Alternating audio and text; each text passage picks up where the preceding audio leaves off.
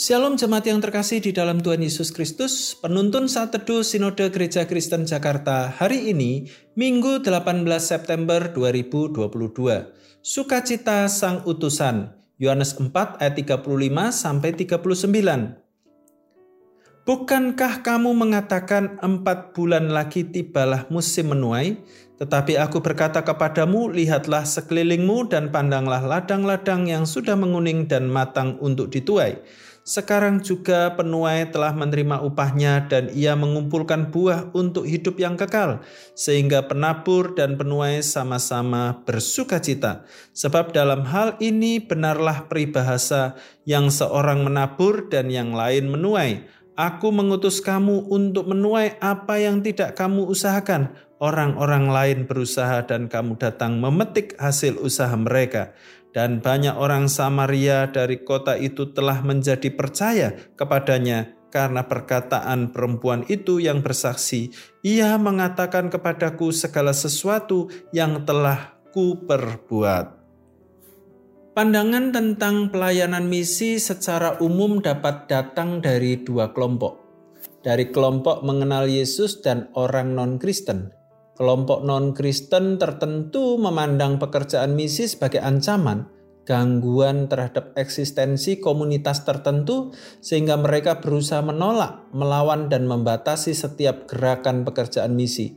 Pada saat yang sama, kelompok Kristen sendiri juga beranggapan bahwa pekerjaan misi pekerjaan yang khusus, sulit, dan penuh tantangan, sehingga orang-orang yang terjun ke ladang misi haruslah orang-orang khusus yang siap mental, rohani, fisik.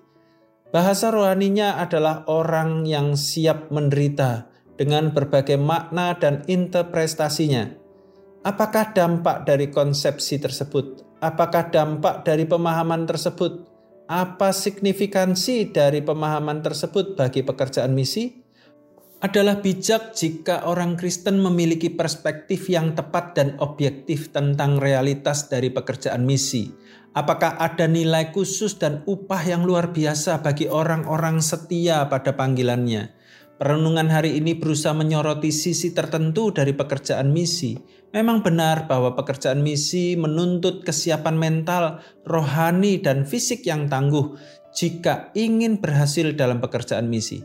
Para misionaris telah mengalami dan menyaksikan realitas tersebut.